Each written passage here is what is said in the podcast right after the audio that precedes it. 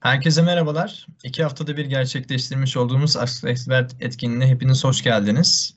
Bu hafta danışman arkadaşlarımızla birlikte sizlerden gelen soruları yanıtlıyor olacağız. Bugün Hande Hanım, Emre Bey, Erdinç Bey, Rıza Bey, Alper Bey ve Rıza e, Taha Bey kusura bakmayın bizlerle birlikte olacak diyeyim ve yavaş yavaş da aslında sizlere sözü bırakmış olayım. 365 tarafında Security, Azure ve bir diğer Cloud teknolojileri tarafında aklınıza takılmış olan tüm teknik ve lisanslama sorularını bizimle hem chat kısmından hem de mikrofonlarınızı açarak paylaşabilirsiniz. Henüz ilk soru gelene kadar olmasa ben çok kısa e, Viva'nın yeni gelen modüllerinden bahsedeyim. E, bildiğiniz gibi e, yeni bir ürün geldi Microsoft tarafında. Viva diye dört modülüyle beraber geldi. E, Viva Learning, Viva Topics, e, Viva Connections e, ve SharePoint Syntax geldi bunların içerisine. Çok kısa kısa bahsetmeye başlayayım. Viva Topics şirket içerisinde e, çok zorlu bulunan bilgilerin kısa başlıklar, e, ilgili sorumlular halinde e, kartlar, widgetlar şeklinde veriliyor olması hali. Yani şirket, şirketinizde Teams veya SharePoint Online aktif kullanıyorsanız işte bir projenin adı yazıldığı zaman e, bu projenin içeriği, kimlerin e, bu proje hakkında çalıştığı, bu projede beraber çalıştığı ya da hangi projelerle bağlantılı olduğuna dair e, bir şey verebiliyorsunuz karşı tarafa. Küçük küçük uygulama kartları halinde e, bilgiler verebiliyorsunuz. Çünkü e, yapılan araştırmalarda şöyle bir şey olmuş. Günde bir saat hatta yılda da 12 hafta gibi bir şeye denk geliyormuş sanırım.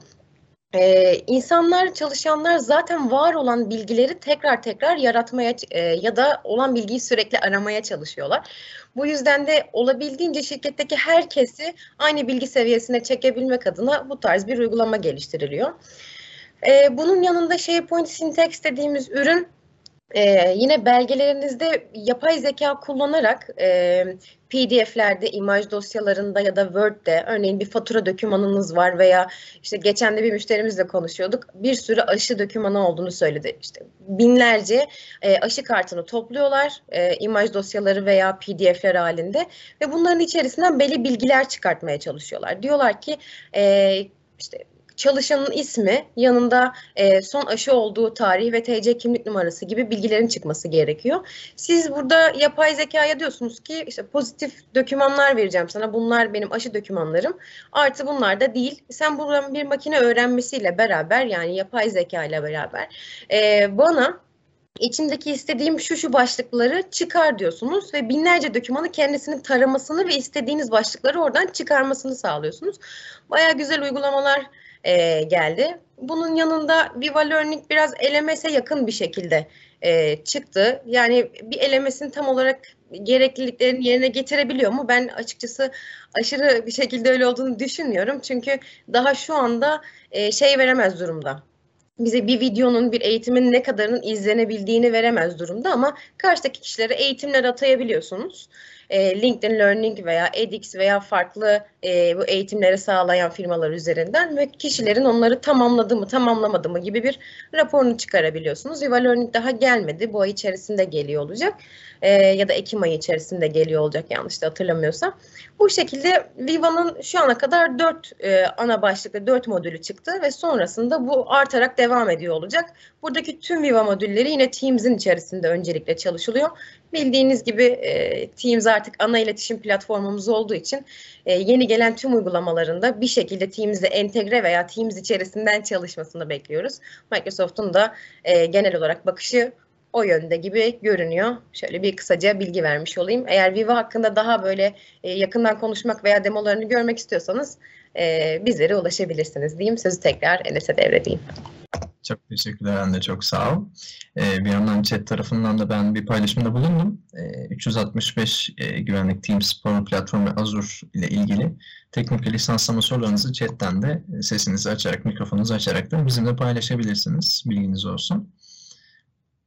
Daha interaktif geçmesi adına e, isterseniz sizlere sözü bırakalım derken Halil Bey e, günün ilk sorusunu paylaşmış. Teşekkürler Halil Bey. Bir yandan da hoş geldiniz.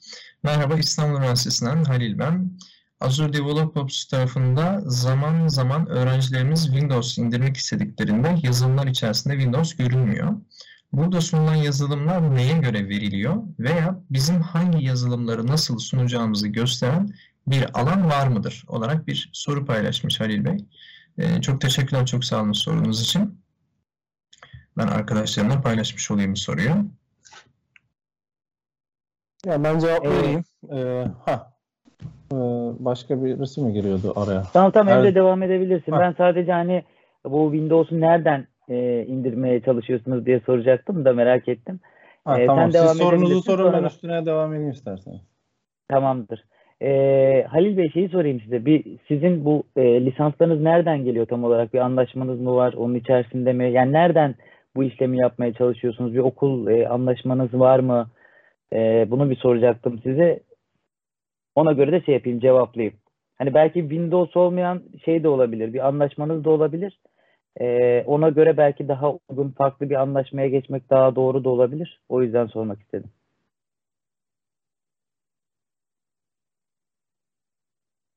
E, Halil Bey E, Ha, üzerinden Portal yazdı Erdinç ve Azure portalı içerisinden yazmış. Tamam, Azure portalı içerisinden indirmeye çalışıyorsunuz. Ee, yani şöyle, e, Azure portalı içerisinden e, indiremeyebilirsiniz. Yani şey, e, bir baz olması gerekiyor şeyde işletim sistemlerinde. Hani sıfırdan yüklemeye çalışıyorsanız e, buradan indiremeyebilirsiniz. Yani sadece şey hakkı veriyor olabilir size. Yazılım güncelleme hakkı veriyor olabilir. E, o yüzden yani ona bir bakmak lazım. E, deyip sözü Emre'ye devredeyim. Emre de bir şeyler ekleyecekti çünkü. Ya bura, burada şöyle bir bakış açısı var. Onu aktaracaktım ben de. Azure DevOps tarafında daha böyle uygulanması ve pratiği kolay olan işte yazılımlar yer alıyor. Bunun bunun mantığı da şu. Maliyet avantajı yaratmak. İçerisine bir tekrar Windows e, kullanıp Windows kullanıp oraya bir Windows lisansı da lisans maliyetinin de çıkartılmaması noktasında böyle bir opsiyon ya da tercih var. Daha açık kaynak kodlu işletim sistemleri kullanılarak daha e, işte DevOps tarafındaki Kubernetes, Docker gibi e, konular zaten biliyorsunuz e, daha böyle kod parçacıklarıyla yönetilebilen ve e, implemente edilebilen, kullanılabilen işler. E, DevOps tarafında da aslında DevOps'un bakış açısında temelde şu var. E, İşte siz diğer Azure e, Function gibi ya da diğer DevOps ürünleri, servislerini kullanarak e, ekstra bir maliyet ortaya çıkartmadan kullanım sağlamanız adına böyle bir bakış açısı var. E, bir yandan chatten de bir paylaşımda bulunmuş Halil Bey. Bir link paylaşmış. Daha önce bunun için kılavuz hazırlamıştık diyerekten. E, bu linki de tekrardan bir inceliyor olacağız. E, teşekkürler Halil Bey sorularınız için. E, Erdinç Bey, Emre Bey sizlere de çok teşekkürler cevaplarınız için. E, bir diğer sorularınızı bekliyoruz şu anda. Bu arada şeyi incelemeye başladım ben de. Halil Bey'in paylaştığı dokümanı bayağı güzel, başarılı, öğrenciler için çok faydalı bir doküman olmuş. Yani e, bayağı hoşuma gitti Halil Bey. Yani tebrik ederim. Evet, şimdi chat tarafından tekrardan bakıyorum. Ee, Ozan Bey'in bir sorusu var. Merhabalar. Plan 2 lisanslı bir kullanıcımızda arşiv özelliğini aktif ettik ve PowerShell komutu ile 100 GB olan arşiv boyutunu arttırabiliyoruz. Bu arşiv özelliği sınırsız alan olarak belirtiliyor. Fakat maksimum 450 GB tecrübe edildiği konusunda doküman okudum. Bu arşiv boyutunda bir sınır var mıdır? Ee, ne kadar boyuttan sonrasını önermezsiniz olaraktan Ozan Bey'in bir sorusu var. Halil Bey de bu arada teşekkürler olarak paylaşmış. Halil Bey bizler de çok teşekkür ederiz. Çok sağ olun. Ya bu soruda da şöyle bir e, cevap vereyim. E, aslında sınırsız arşiv olarak biliniyor. Sınırsız arşiv olarak satılıyor. E, ve çok yakın bir zamanda bu OneDrive için de geçerli. OneDrive'da da 1 TB alan sunuluyordu. Oraların da artık sınırsız arşive doğru dönüşmesi, döndürülmesi gibi bir plan var. Ama e, Azure tarafındaki kaynak planlaması, storage planlamasına yönelik buradaki roadmap'ler şekillenecek. E, 450 GB'ı birebir e, test etmedim ama e, sınırsız arşivde e, arşivde sınırsız olduğunu ben biliyorum.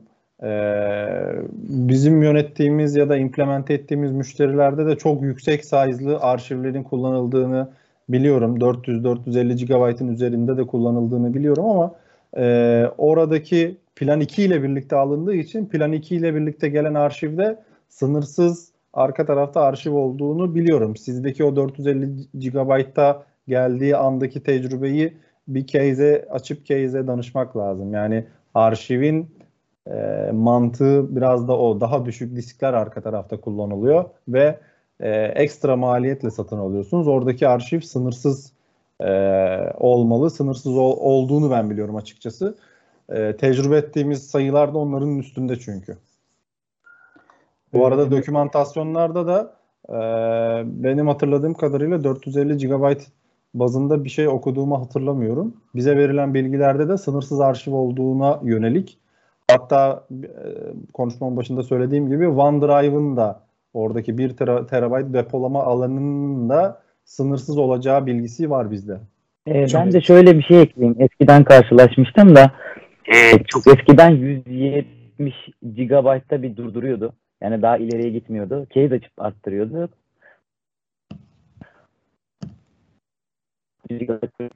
açılabiliyor. Ee, daha da yukarıya çıkmak istediğimiz zaman bazen case açmak bile gerekebiliyor. Yani bir yerde şey yapabiliyor. Arka tarafta bloklayabiliyor. Ee, o yüzden hani e, PowerShell veya hani biz direkt arka tarafta case açıp bunu arttırdığımız oluyor. E, onu söylemek istedim size. Size ekleme yapayım. Ee, iyi oldu sizin belirttiğiniz. 365 tarafında şöyle bir mantık var. Bu geçiş sürecinde de yani kaynak planlamasını Microsoft ona göre yapıyor çünkü. Ee, öngörülebilir bir büyümeyi sağlamaları ya da öngörmeleri gerekiyor. O yüzden belli noktalarda mesela biz geçiş projelerimizde çok büyük bir data transferi yapacaksak Microsoft'ta case açıyoruz. Aynı anda e, yazılacak mailbox limitini arttırıyoruz. Threshold'lar var belli threshold'lar. E, burada da aslında sizin lisansınız sınırsız arşiv ama e, öngörülebilir büyümeyi Microsoft'ta Microsoft'un öngörebilmesi için bazı noktalarda bazı özellikler için e, case açmak gerekebiliyor. O da e, geçişte bizim yaptığımız e, threshold değerlerini e, yükseltmek gibi. Bunu bizim yapabildiğimiz PowerShell ile e, yükseltebildiğimiz e, bazı konular da var. Bizim yapamadığımız Microsoft'ta case açarak yükseltebileceğimiz konular da var ama sizin o 450 GB sınırında bir case açıp sonucunu öğrenmek gerekir.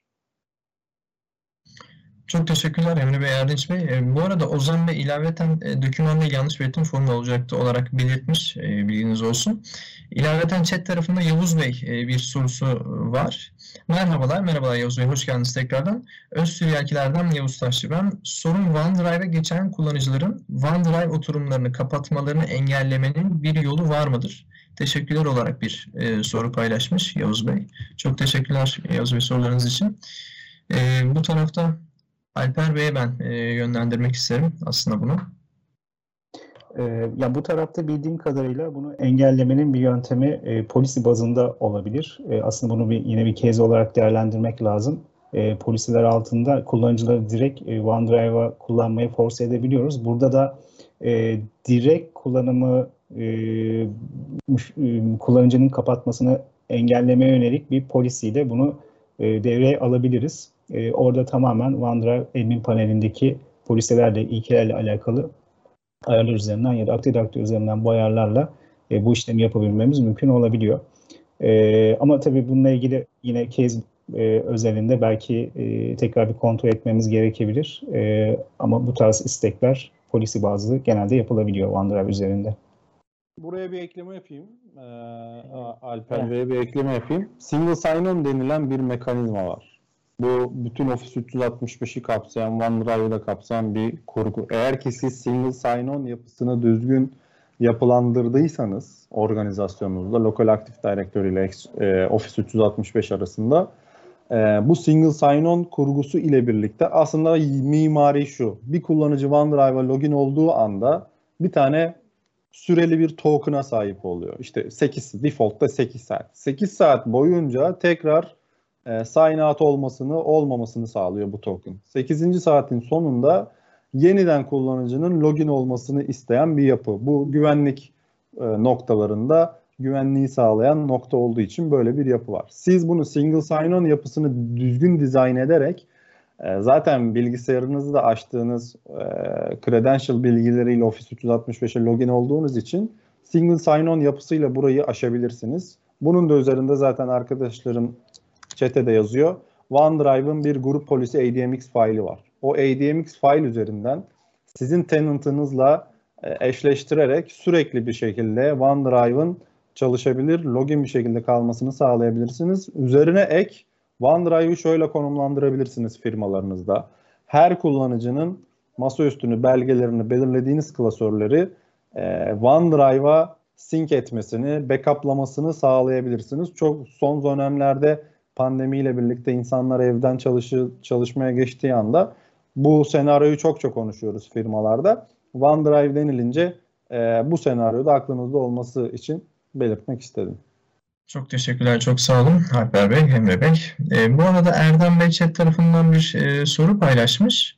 Merhabalar, merhaba Erdem Bey. Teams kullanmak istiyorum fakat yurt dışına veri çıkarılmaması ile ilgili bir problemimiz var. E, bu durumda herhangi bir veri aktarımı vesaire olmadan buna izin vermeden sadece görüşme ve yazışma amacıyla kullanabilir miyiz olarak bir soru paylaşmış Erdem Bey. İlaveten Yavuz Bey de teşekkür etmiş. E, Emre Bey ve Alper Bey çok teşekkürler Yavuz Bey sağ olun. Ee, önce kısaca bir ben şey sormak istiyorum Erdem Bey'e. Ee, Teams'i kullanmak istiyoruz ama yurt dışına veri çıkarılmaması ile ilgili problemimiz var dediniz ya. Office 365'in başka ürünlerini kullanıyor musunuz? Exchange Online Mailbox'ları kullanıyor musunuz? Kullanmıyorsunuz. Şöyle e, genel anlamda bahsetmiş olayım. Zaten hani daha öncesinde de daha önceki etkinliklerde de bahsetmiştik ama siz kullansanız da kullanmasanız da hani siz bana mail attığınızda ben Office 365 kullandığımda yine orada bir mailboxlar arasındaki e, iletişimde de yine bir yurt dışına veri çıkarılması durumu ister istemez oluyor. O şekilde de yine e, veri transferi noktasında da oluyor. Teams'i sadece yazışma amacıyla kullanabilirsiniz bu arada. E, yani oradaki kısıtlamaları yapmanız mümkün oluyor.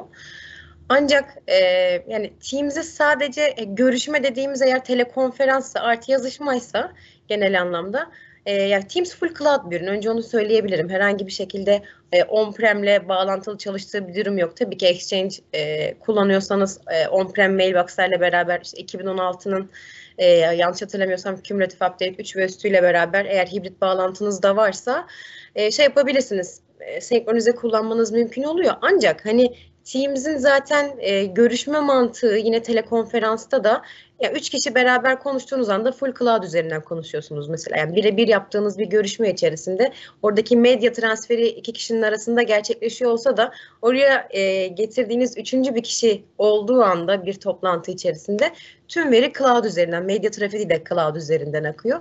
O yüzden hani Teams'i e, yurt dışına veri hiç çıkarmaz. E, sadece yani şey olur e, on-prem'de haberleşiyor gibi e, bir cihaz olarak bir daha doğrusu ürün olarak özür dilerim e, görmek çok fazla doğru olmayabilir. E, ancak tabii ki sadece yazışma ve telekonferans aracılığıyla kullanabilirsiniz ama oradaki yazışmalar da e, medya trafiği de hani her zaman e, şey olacaktır yani cloud üzerinden akıyor olacaktır. Peki arkadaşlarım da ekleme yapmak isterler. Benim aklıma gelen e, öncelikle bunlar olacak. Çok teşekkürler Hande. Ee, Erdem Bey de teşekkürlerini paylaşmış. Çok sağ olun Erdem Bey. Evet, yeni soru gelene kadar benim bu hafta e, müşterilerimden e, bana gelen sorularla alakalı, maliyet sorularıyla alakalı size birkaç tane soru yönlendireceğim. Eminim katılımcılar arasında da merak ediliyordur bu sorular. Birinci sorum hafta içinde de etkinliğini yaptığımız Cloud PC Azure Virtual Desktop VDI çözümündeki e, fiyatlandırmayı bir kere daha buradaki katılımcılara anlatmanızı, aktarmanızı isteyeceğim. İkincisi e, yine çokça bu dönemde çok çok konuştuğumuz Azure Sentinel, Azure üzerindeki CM ürününün e, maliyetlendirilmesi, fiyatlandırılmasını e, aktarmanızı rica edeceğim sizlerden. Çok teşekkürler Emre Bey. Çok sağ olun. Bu arada Ozan Bey'den de bir soru gelmiş. Ee, ben onu da bir yandan aktarmış olayım. E, daha sonrasında da soruları cevaplamış olalım. E, o zaman bir sorum daha olacak. Exchange hesaplarında Azure MFA özelliğini kullanıyoruz. PowerShell oturumu açmak için Exchange admin kullanıcılarımıza MFA'yı disable etmek durumunda kalıyoruz. MFA özelliğini disable etmeden PowerShell oturum açma yöntemi var mıdır? Güvenlik açığı yaratmamak adına geçici sürede olsa MFA özelliğini kapatmayı riskli buluyoruz olarak Ozan Bey e, bir yorumda bulunmuş. E, sorusunu paylaşmış. Önce buna cevap verelim. Önce Ozan Bey'in sorusuna cevap verelim. Ee, sonrasında siz benim sorularıma cevap verirsiniz. Mümkün böyle bir op- operasyon. Şöyle mümkün. Exchange PowerShell'in portal üzerinden e, Modern Authentication versiyonunu halini indirip kullanmalısınız. O halini indirip kullandığınızda Modern Authentication ile e, login o, olduğu için MFA destekli bir şekilde login olabiliyorsunuz. Fakat e, şunu yapamıyorsunuz. AD Connect üzerinde kullandığınız kullanıyorsanız ki kullanıyorsunuzdur. Global admin yetkili hesabı hiçbir şekilde MFA'ya tabi alamıyorsunuz. Çünkü o arka tarafta hem Azure'la konuşuyor hem lokal Active Directory ile konuşuyor. Ama Exchange PowerShell'i konusunda sizin sorunuz olduğu için yeni Exchange modülünü portalden indirin. ve MFA'li bir şekilde Modern Authentication ile birlikte Station açabilir durumdasınız şu an. Çok teşekkürler. Çok sağ olun Emre Bey. E, VDI tarafıyla alakalı ve Cloud PC tarafıyla alakalı lisanslama tarafında aslında e, Cloud PC'yi e, birazcık ben bahsetmek isterim size. Daha sonrasında VDI ile alakalı da yine e, Alper Bey'e de yönlendirmek isterim. E, Cloud PC'de hafta içerisinde çarşamba günü yapmış olduğumuz webinarda da detaylı bir şekilde de aslında bahsetmiştik Taha Bey, e, Emre Bey. Sizler de e, konulara değinmişsiniz. E, en çok da üzerine durmuş olduğum şey IT perspektifinde dağıtım, yönetim ve e, tedarik anlamında çok ciddi bir avantaj sağlamakta. E, bir yandan yine Windows 365'te de e, kendi içerisinde yine Business ve Enterprise olarak paketlere ayırmış durumda Windows 365. Burada da Business ve Enterprise paketleri de yine e, Basic, Standart ve Premium olarak 3 başlıkta incelendiğini görüyoruz. Yine burada e, kendi içerisinde aslında e, kullanıcılara performans odaklı olarak seçenekler belirtiliyor. Business paketlerde örneğin 2 core CPU 4 GB ve 128 GB depolama alanı gelirken işte standartta business paket altında söylüyorum. 2 core CPU 8 GB ve 128 GB yine depolama alanı. Premium'da ise 16 e, GB RAM yine 128 GB depolama alanı ve 4 CPU core gelmekte. Enterprise paketlerde de aslında yine business'taki gibi e, çeşitli farklılıklar söz konusu. Burada performans odaklı e, kullanıcıların, son kullanıcıların talepleri doğrultusunda e, seçenekler mümkün. Bir yandan fiyatlandırma tarafında da standart bir fiyatlandırma ay usulü olmakta. Kullanıcı başına yine bir lisanslama durumu söz konusu. Yani Windows 365 kullanırken benim e, temelinde ihtiyaçlarım neler, performans anlamında beklentilerim neler sorusunu siz kendiniz seçenekler üzerinden cevaplandırdıktan sonra ay bazında yine Office 365'teki lisanslama gibi e, çeşitli fiyatlandırmalar burada da mevcut. E, dilerseniz e, etkinlik sonrasında bunları detaylı olarak da sizlerle paylaşabiliriz. E, VDI tarafıyla alakalı aslında hafta içerisinde de çok çokça bahsettik. Otomatik ölçeklendirme kavramı ile alakalı e, ben birazcık bahsetmek isterim. Yine Alper Hocam da tekrardan detaylı bir şekilde paylaşır. Daha esnek bir yapısı olması VDI'da, e, Azure tarafında da uzmanlığın e, oluyor olması hani e, fiyatlandırma ve maliyeti e, aslında birazcık daha tek bir elden kontrolünü e, sağlayabilmek açısından bir avantaj yaratmakta diyeyim. Ve birazcık da Alper Bey'e doğru VDI tarafındaki fiyatlandırma ile alakalı e, yönlendirmiş olayım sorunuzu. Ee, teşekkürler Enes. Aslında burada senin de bahsettiğin üzere Windows 365 daha sabit fiyatlı iken e, Azure Virtual Desktop'ta kullanım tabanlı bir maliyetten söz etmemiz mümkün. E, çünkü Windows 365 lisans maliyetleri kullanıcının ihtiyaç duyduğu donanım özelliklerine bağlı e, her masa üstünde belirli sayıda virtual CPU, RAM ve SSD depolama alanı bulunuyor ve her bulut PC bilgisayarın e, virtual CPU ve RAM yapılandırılmasını karşılaştırabiliriz VDI ile.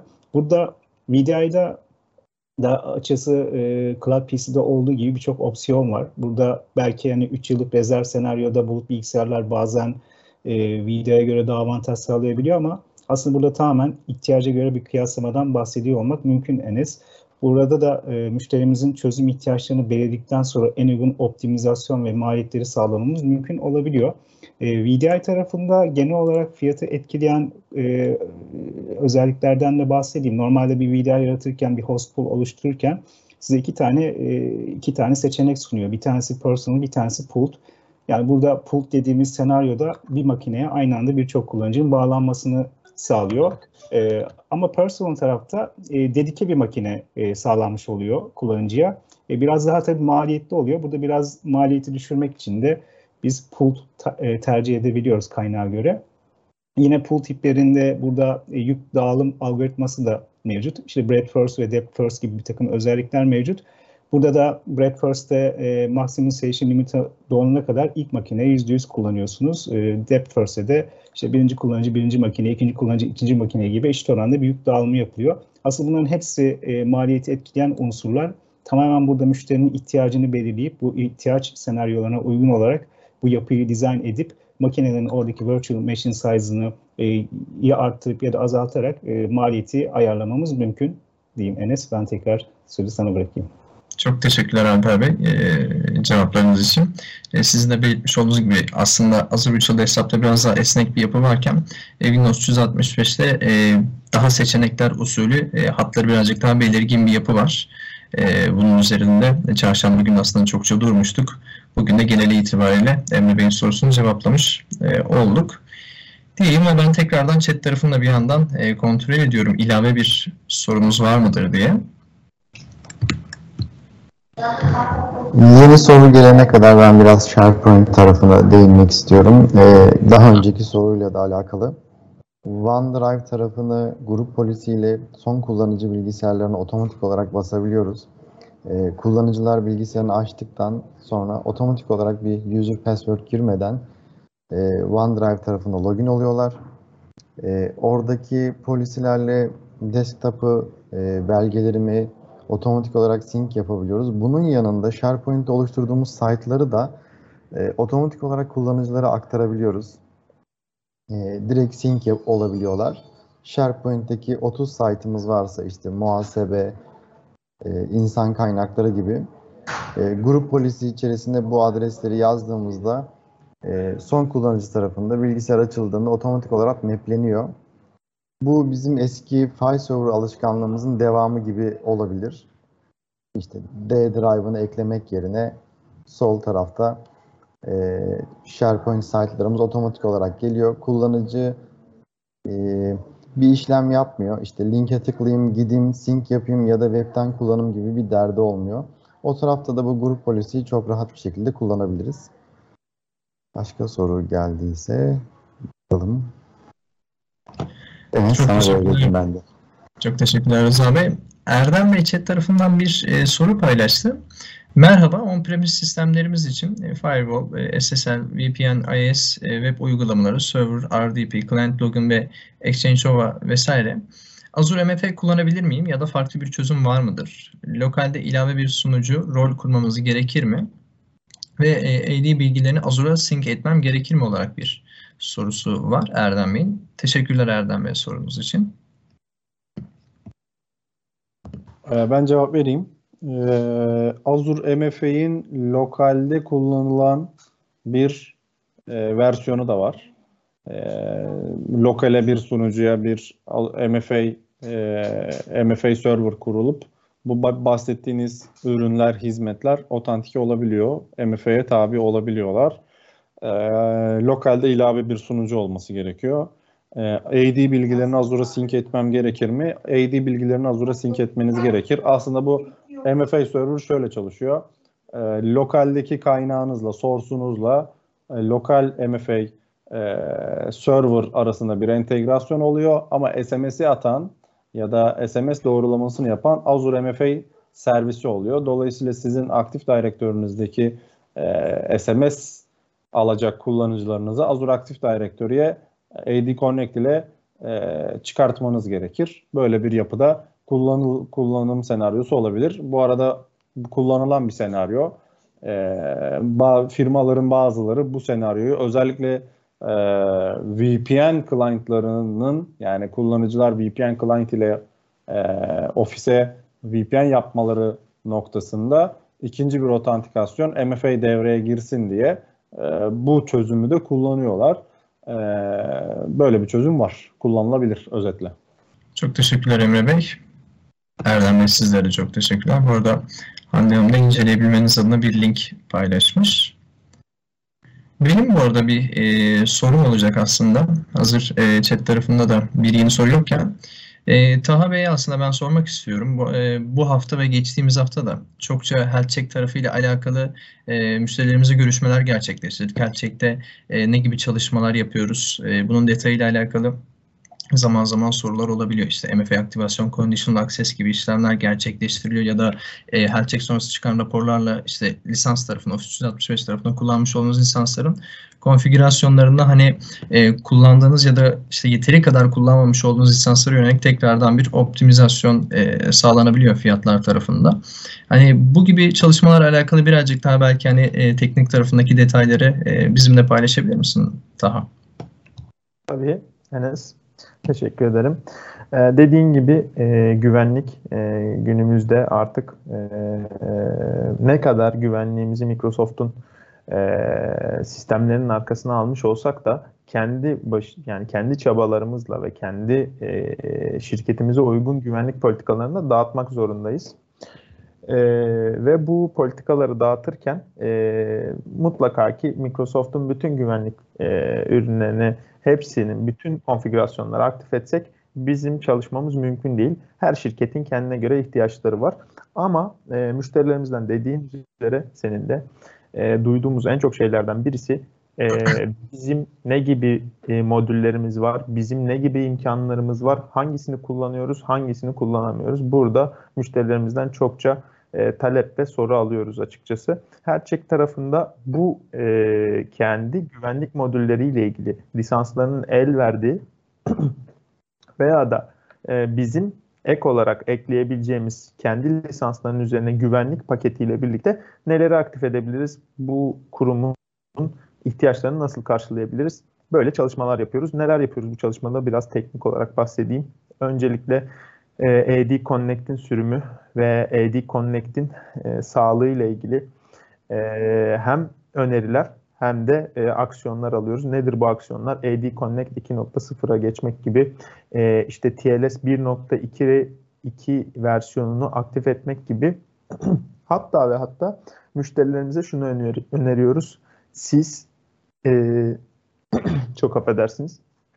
Siz AD Connect'inizin bulunduğu makineyi Azure'da bir virtual machine'e taşıyın ve 365 platformunuzu aslında e, full availability yani Microsoft'un bir data center'ının başına bir şey gelmediği sürece full, full availability, e, full erişilebilirlik düzeyinde kullanabilin diyoruz. Önerilerimizden birisi bu. Ama AD Connect tarafında güvenlik açısından yaptığımız şeylerden bir tanesi TLS 1.2'yi devreye almak, AD Connect 2.0'ın getirdiği özellikleri kullanmak ve password, e, pass-through authentication'ı devreye almak. Çünkü e, biliyorsunuz artık bilgisayarlardan e, parola almak, parolayı e, çalmak çok zor bir şey değil. E, bu yüzden biz pass-through authentication öneriyoruz. Tabii bu kurumun ihtiyaçlarına göre yine değişiyor. Daha sonrasında e, yine e, makinelerde az önce Emre'nin de bahsettiği gibi e, modern authentication e, yöntemini, Office 365'in bize sunduğu Modern Authentication yöntemini devreye alıyoruz. Nedir Modern Authentication? Bizim bilgisayarlarımızda biz 365 platformlarına bağlanırken yani Outlook'a bağlanırken aslında Basic Authentication'da makinemizin içerisinde tutulan bir şifreyle otantike oluyoruz. Ve bu şifre yenilendiğinde bu makine e, bu şifre tekrar makineye yazılıyor. Aslında bizim parolamız makinede tutuluyor. Modern Authentication parolanın makinede tutulmasını engelleyerek yani bir token yöntemiyle haberleşerek 365 sistemiyle bizim buradaki riskimizi ortadan kaldırmış oluyor. Bu benim sevdiğim özelliklerinden bir tanesi. Daha sonrasında Identity Protection, e, Conditional Access gibi e, kullanıcılarımızın risk durumu, e, sign-in'lerinin yani login login olaylarının risk durumunu e, analiz ederek bizim belirlediğimiz e, koşullar dışında bir riski varsa kullanıcılarımızı MFA'ya yönlendirmek gibi Identity Protection tarafında e, belki bazı grupları dışarıda bırakarak e, dediğim gibi şirketin ihtiyaçlarına yönelik e, bu tarz bir e, yine güvenlik önlemi sağlıyoruz.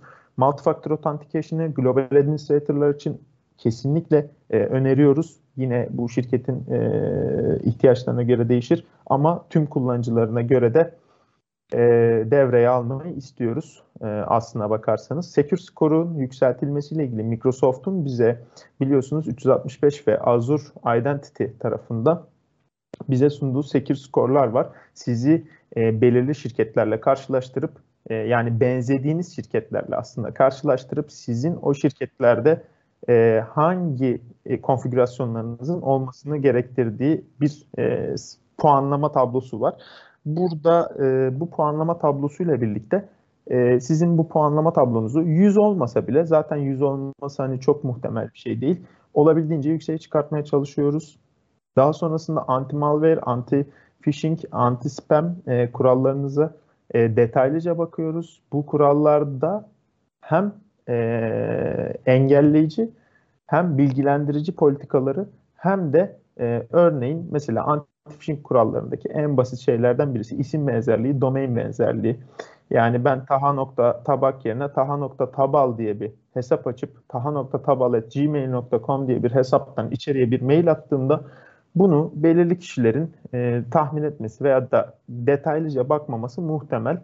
E, bu tarz e, isim sahtekarlıklarının önüne, geç, önüne geçebilmek için aslında Office 365'in tekrar uzatmayayım sözü, Office 365'in bize sunduğu tüm imkanları hatta size de önerilerimizle yani şu paketi alırsanız bakın şunu da aktif edebilirsiniz gibi önerilerimizle e, her check kapsamında güvenliğinizi bir üst noktaya e, taşımayı hedefliyoruz diyeyim.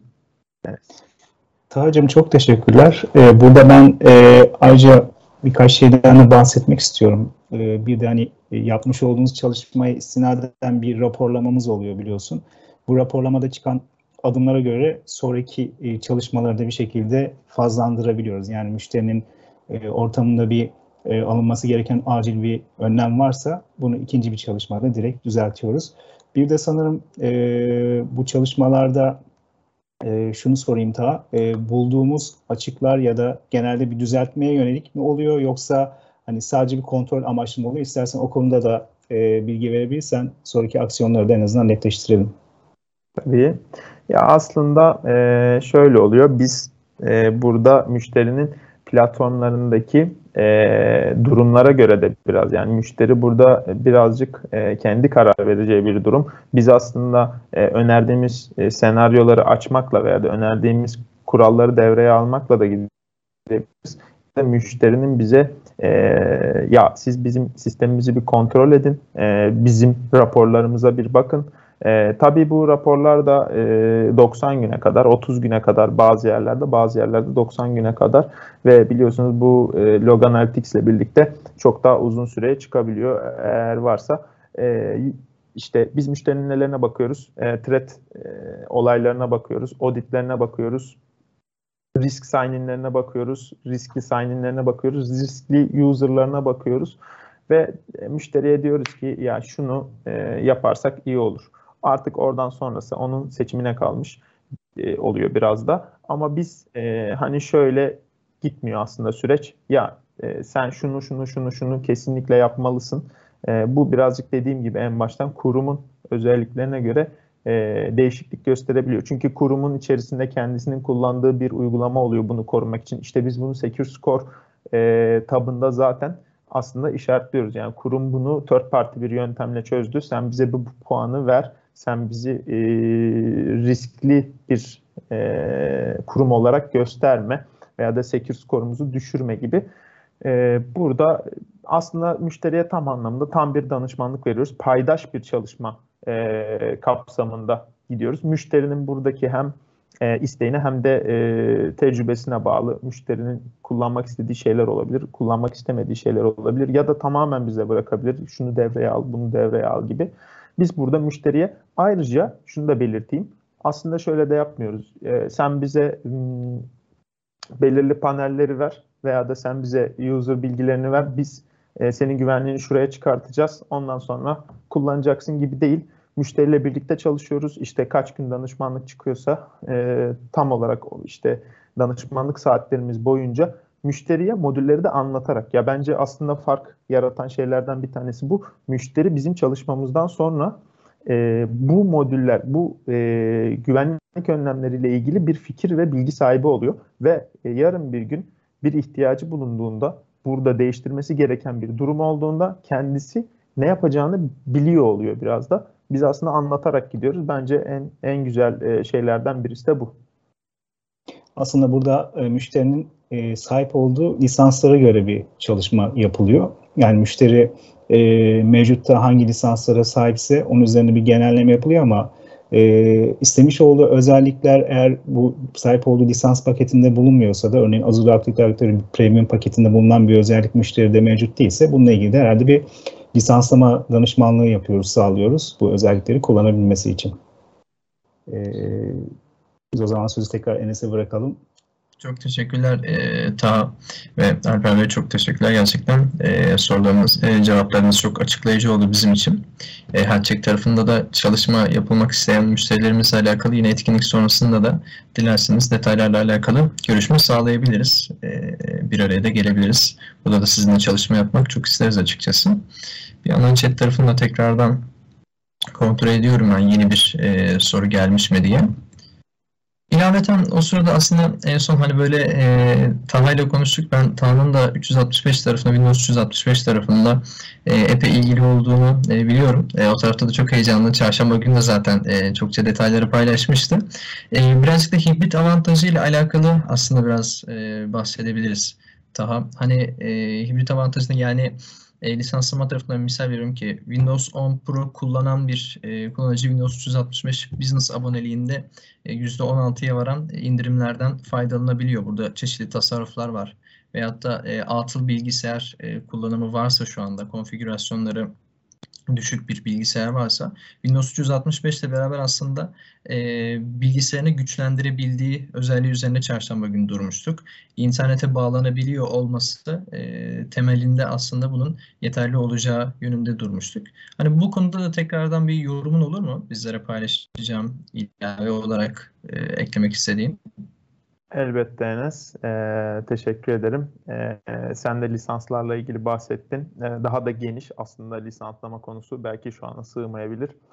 Ee, ama e, Windows 365 hayatımıza yeni girdi. Aslında e, ilk bulut bilgisayar e, olma özelliğini de ilk bulut bilgisayar olma niteliğinde taşıyan bir e, duyuruyla girdi hayatımıza. Aslında geçen gün workshopta da konuştuk. Bunun bir benzetmesi var.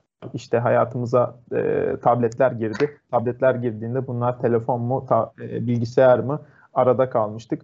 E, bulut bilgisayarlarda belki de bunun gibi düşünebiliriz.